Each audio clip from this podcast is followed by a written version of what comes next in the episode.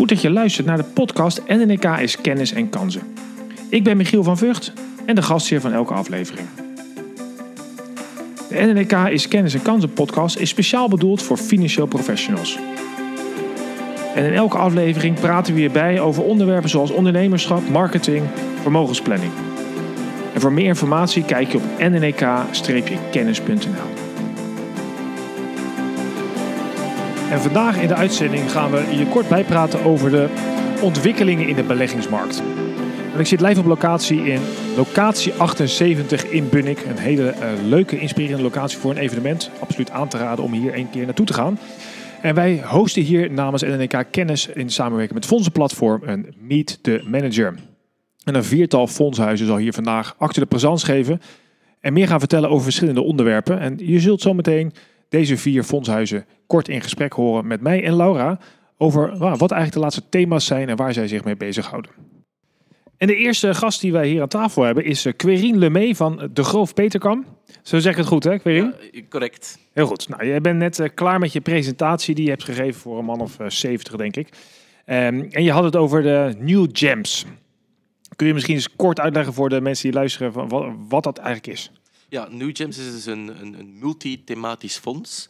En uh, New Gems is eigenlijk een acroniem van de zeven thema's waarin we investeren. Dus die zijn nanotech, ecology, uh, wellness, Generation Z, e-society, manufacturing 4.0 en security. Dus het is een multithematisch fonds uh, die in innovatieve en disruptieve bedrijven investeert en die kijkt naar een toekomst van de, een samenleving van de toekomst. Waarom is dat in jouw of jullie perspectief belangrijk om dat als belegger in je portefeuille op te nemen?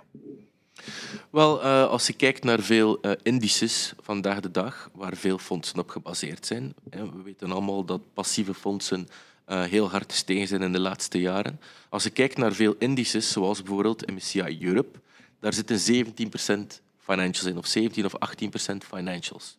Um, een groot deel daarvan zijn, zijn bijvoorbeeld banken. Europese banken, old school banks. Zou jij 17 tot 18 procent van je eigen centjes in old school financials willen steken? Ik niet alleszins.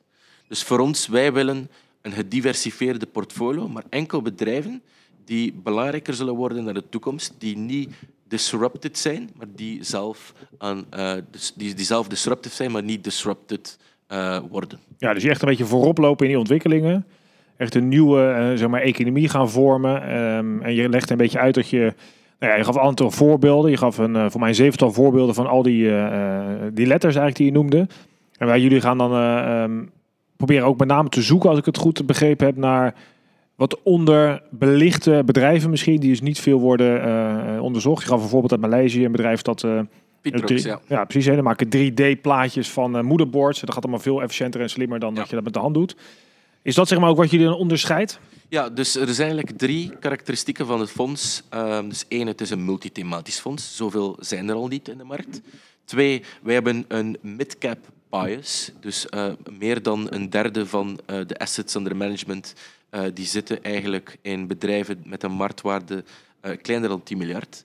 En de reden is net, wij zijn de Groof Peterkam uit België. We hebben geen duizenden analisten. dus wij zoeken naar um, under-researched, undercovered companies. Bedrijven die mensen eigenlijk nog niet zo goed kennen. Of die uh, niet gecoverd worden door sell-side. Vitrox is daar een voorbeeld van. Uh, wij uh, waren geïnvesteerd nog voor er één westerse broker op geïnitieerd had. Op dit moment is dat wel het geval. Um, maar dus wij zoeken dat. Dus drie karakteristieken. Dus één, het is een multithematisch. Twee, we hebben mid-cap bias. En drie, het is ook een duurzaam fonds. Maar denk je ook wat ik, wat ik hoor, want ik, ik zit hier natuurlijk ook als uh, millennial. Um, en ergens is het natuurlijk heel mooi om te zien dat uh, jullie zijn echt bezig om uh, te kijken naar toekomstige samenleving. Dus echt lange termijn.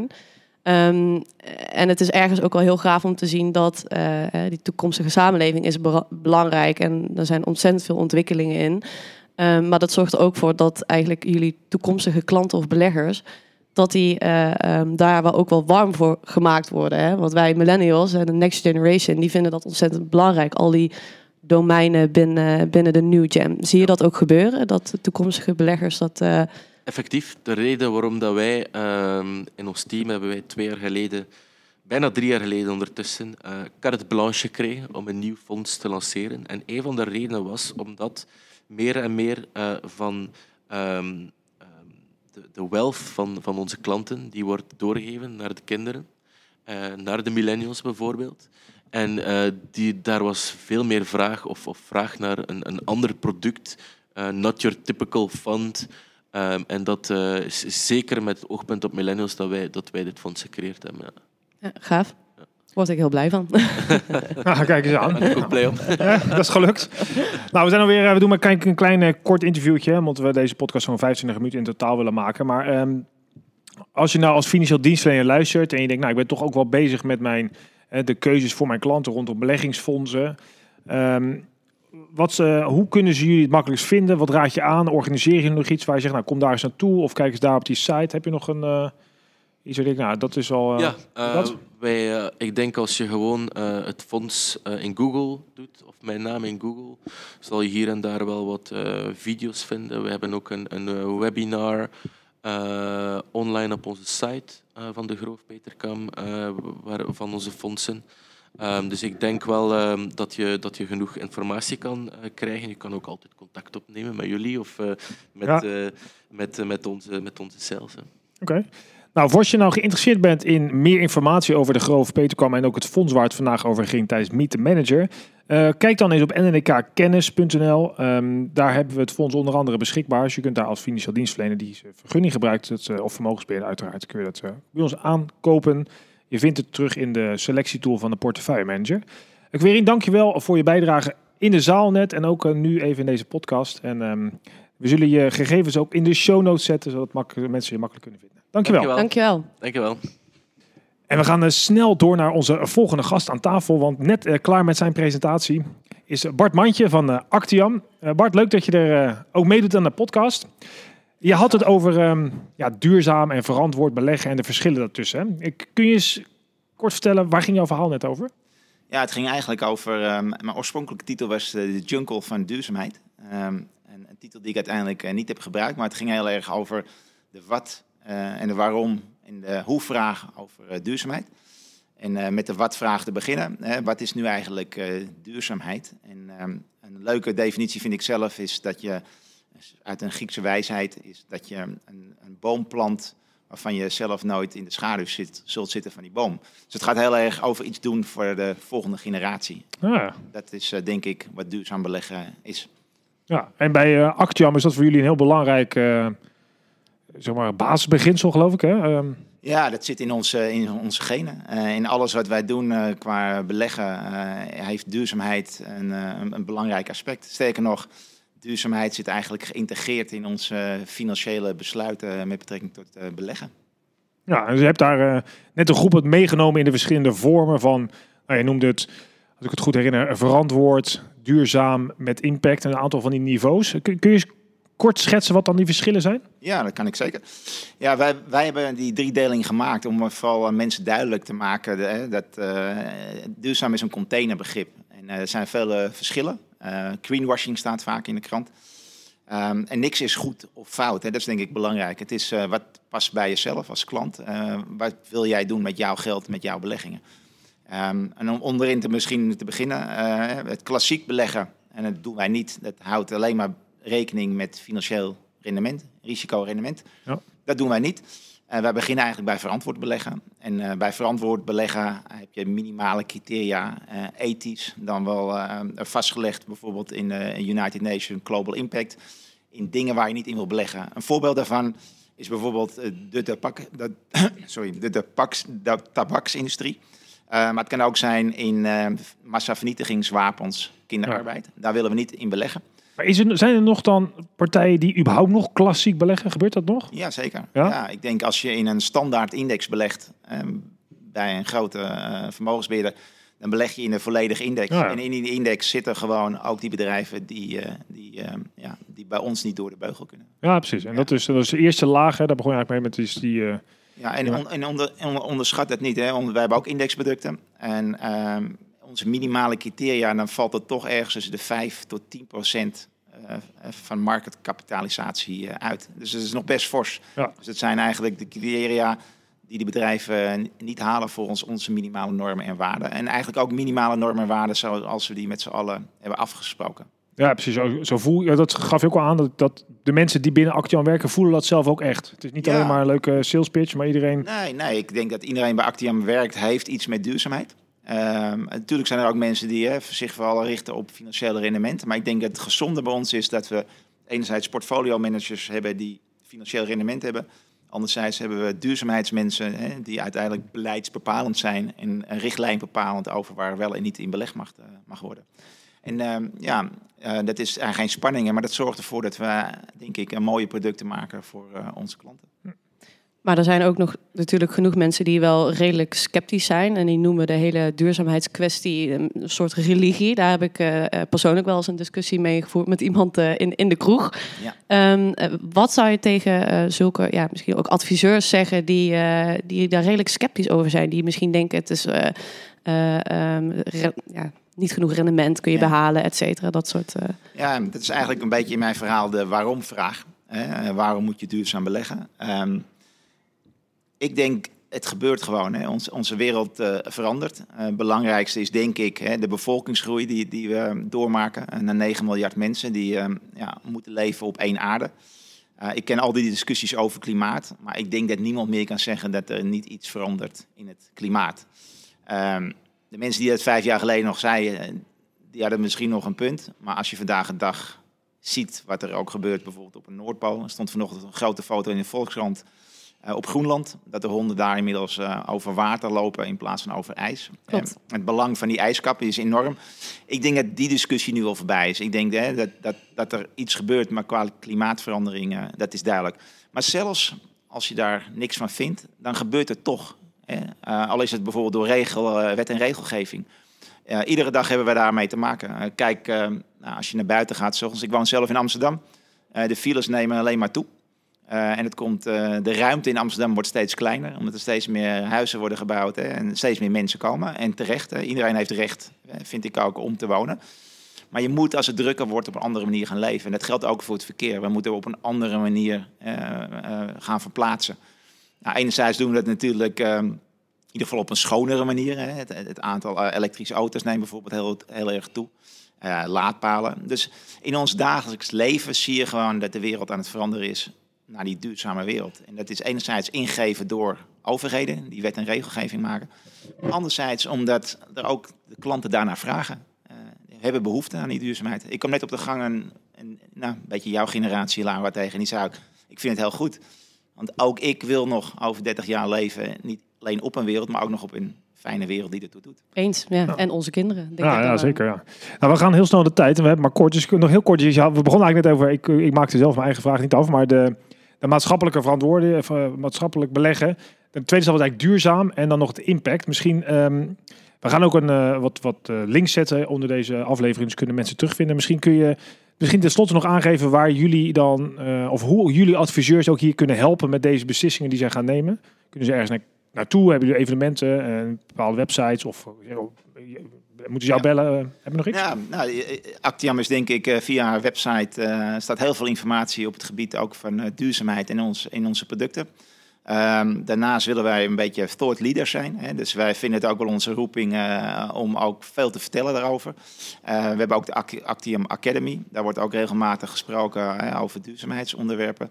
We schrijven regelmatig ook ehm, artikelen in, eh, in, nou, in bladen, in kranten. Dus er is echt genoeg te vinden over Actium. Al die berichten vind je ook op Actium. En wil je toch meer informatie hebben, dan zijn er ook altijd mensen die, die graag te, te woord staan. Ehm, en ehm, ja, dat doen we met, met veel plezier, denk ik. Ja. Alright, nou hartstikke eh, bedankt eh, Bart dat je even mee wilt doen ook aan deze podcast. Ook de verschillende beleggingsfondsen van Actiam zijn te vinden op fondsenplatform. En als adviseur vind je die eh, als je inlogt op nnk-kennis.nl. En eh, nogmaals, ook hieronder, kijk in de show notes, daar vind je de relevante links naar de site van Actiam. Bart, dankjewel nogmaals. Graag Dankjewel. gedaan. Je luistert nog steeds naar de podcast NNEK is kennis en kansen. Voor meer informatie kijk je op www.nnek-kennis.nl. Hier vind je artikelen, podcasts en allerlei manieren om jou te helpen als financieel adviseur. En de laatste gast vandaag in deze NNEK is Kennis en Kansen podcast is eh, Jeff de Haan van Dimensional Fund Advisors. Leuk Jeff dat je even mee wil eh, doen. Zeker, dankjewel. Want jullie hebben ook vandaag een bijdrage op de Meet the Manager dag. Ehm, kun je eens aangeven kort van wat is de belangrijke boodschap of de belangrijkste eh, deel wat jullie vandaag vertellen? Nou, de titel van de presentatie was Dimensional Evidence-Based Investing.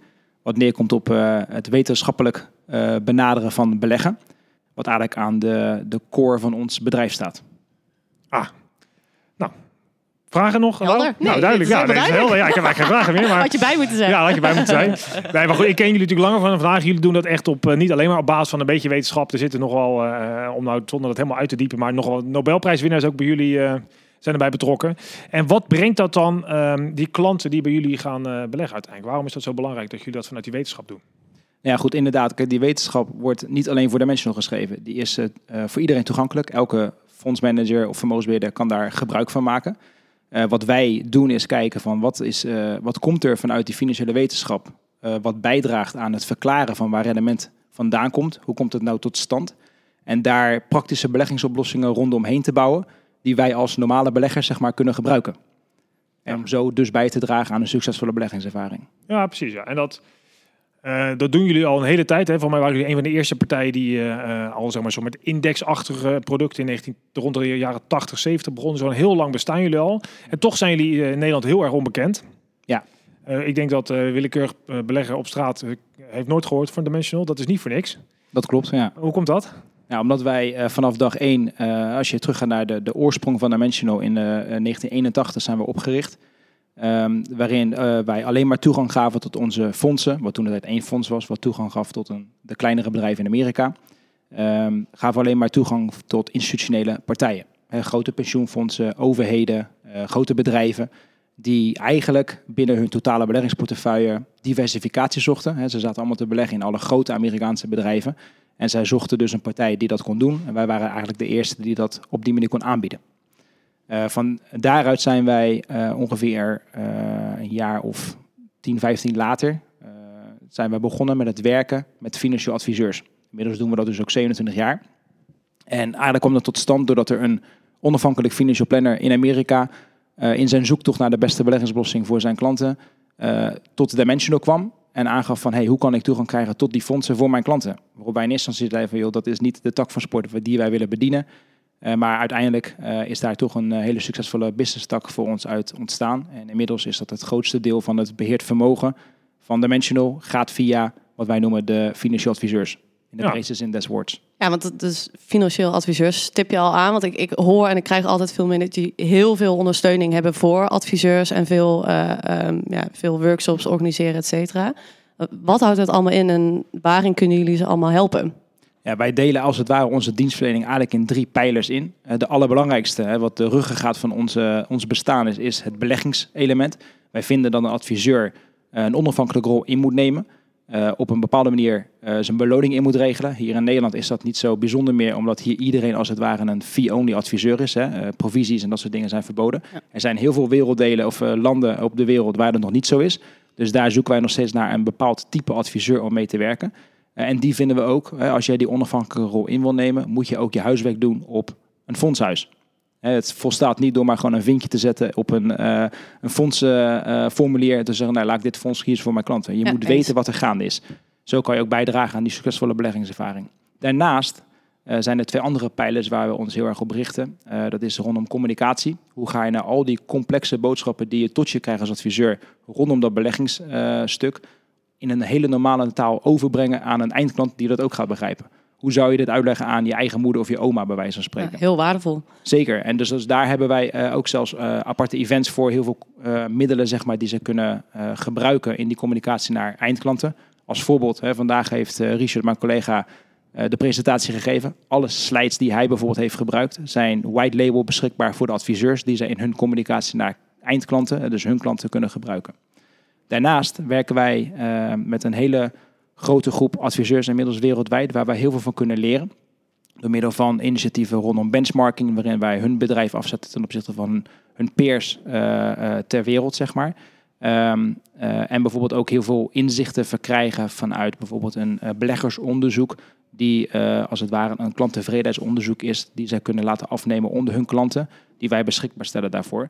Dus wij kunnen heel veel eh, inzichten eh, verlenen als je praat over hoe ze hun bedrijf kunnen groeien eh, en verder kunnen ontwikkelen. Dus ook dat is een pijler, wat noemen wij dus meer eh, practice management of business Mhm. development, waar wij hun ook bij helpen. Dus je hebt dus beleggen, communicatie en eh, business development. Klinkt super. Ja, dus zo kan je echt de adviseurs ook helpen met uiteindelijk het, einde- het doel waar je mee begon. Om die klanten betere beleggingservaring te geven. Dus niet alleen maar vanuit het beleg, beste beleggingsoplossing mogelijk, maar ook de manier hoe communiceer je dat en hoe ga je als adviseur ook goed naar je klant eh, bestendig een businessmodel bouwen. Ja, absoluut. Ja. Ehm, we gaan natuurlijk onder deze aflevering ook de show notes eh, met, eh, met jullie links neerzetten. Maar als je nou zegt, joh, je luistert en je wilt toch eens een eerste kennismaking of een eerste ervaring krijgen met Dimensional. Hoe zou je dat eh, aanraden aan de luisteraars? Nou, uiteraard kunnen ze ook met jullie contact opnemen. Jullie hebben ook onze gegevens. Eh, we kunnen onze gegevens eh, van de mensen die hier in Nederland werkzaam zijn ook eh, in de, de footnotes neerzetten. Ehm, en als zij als, willen kijken naar wat, wat is nou alles wat wij beschikbaar stellen voor die adviseur, ook in, in samenspraak met wat zij kunnen gebruiken voor hun eindklanten, dan zouden ze ook toegang kunnen vragen tot MyDimensional, my.dimensional.com, waar ze zich kunnen registreren en dan toegang krijgen tot eigenlijk ja, de, de, de beveiligde website waar een schat aan informatie te vinden is eh, op al deze thema's die we net hebben benoemd. Ja, en je hebt voor mij in november denk ik weer de soort introductieconferentie eh, in eh, Nederland. Ja, klopt. Op 6 november hebben wij onze eenmalige, die we één keer per jaar doen in ieder geval, eh, introductieconferentie, waarin we eigenlijk alle basisprincipes van wat Dimensional nou op dat beleggingsstuk zeg maar uniek maakt ten opzichte van alle andere managers ter wereld. Oké, nou mocht je dit nou na, na 6 november luisteren 2019, dan eh, klik op een van de links en dan hoor je het ook wel. dan kan, je vinden wanneer de volgende introductieconferentie is. Ehm, heb je nog iets wat je als laatste mee wilt delen? Anders ga ik je hartelijk danken namelijk. Eh, nee, ja, ik denk als je je, je rol als adviseur serieus wil nemen en je denkt van hoe kunnen wij kijken op een, hoe we een, op een wetenschappelijke manier benadering, zeg maar, onze klanten kunnen voorzien van goede beleggingsoplossingen. Eh, neem dan alsjeblieft contact op, want ik denk dat wij eh, de grondlegger zijn eh, en heel veel, inderdaad wat je zegt, heel veel mooie academische Nobelprijswinnende economen in ons bedrijf hebben. Die eh, heel waardevol werk hebben gedaan eh, voor iedereen eigenlijk die iets met eh, beleggen te maken heeft. Oké, nou hartstikke bedankt Jeff voor je deelname. Lau, jij ook weer bedankt voor Ja, jouw eh, deelname als waardevolle ehm, sidekick. Hoewel je het, ik word eigenlijk steeds meer een main kick, vind ik. Maar goed. Maakt het wel beter over. Ja, daarom. maar goed, ehm, bedankt voor het luisteren eh, naar deze NNK's Kennis en Kansen podcast. Ik wil kort nog even aanstippen dat het vandaag ging over Meet the Manager, waarbij een aantal fondshuizen bereid was om eh, hun waardevolle informatie te delen. Ik heb niet genoemd BlackRock. Ehm, BlackRock wilde graag meedoen, maar vanuit compliance eh, perspectief mocht dat helaas niet. Ik zet wel de informatie van hun onder deze aflevering. Kijk vooral ook op nnk-kennis.nl voor alle andere evenementen. Ehm, bijvoorbeeld de Meesterklas in 2019 wordt dat de tiende editie. Daar mag je niet ontbreken als serieus eh, financieel adviseur.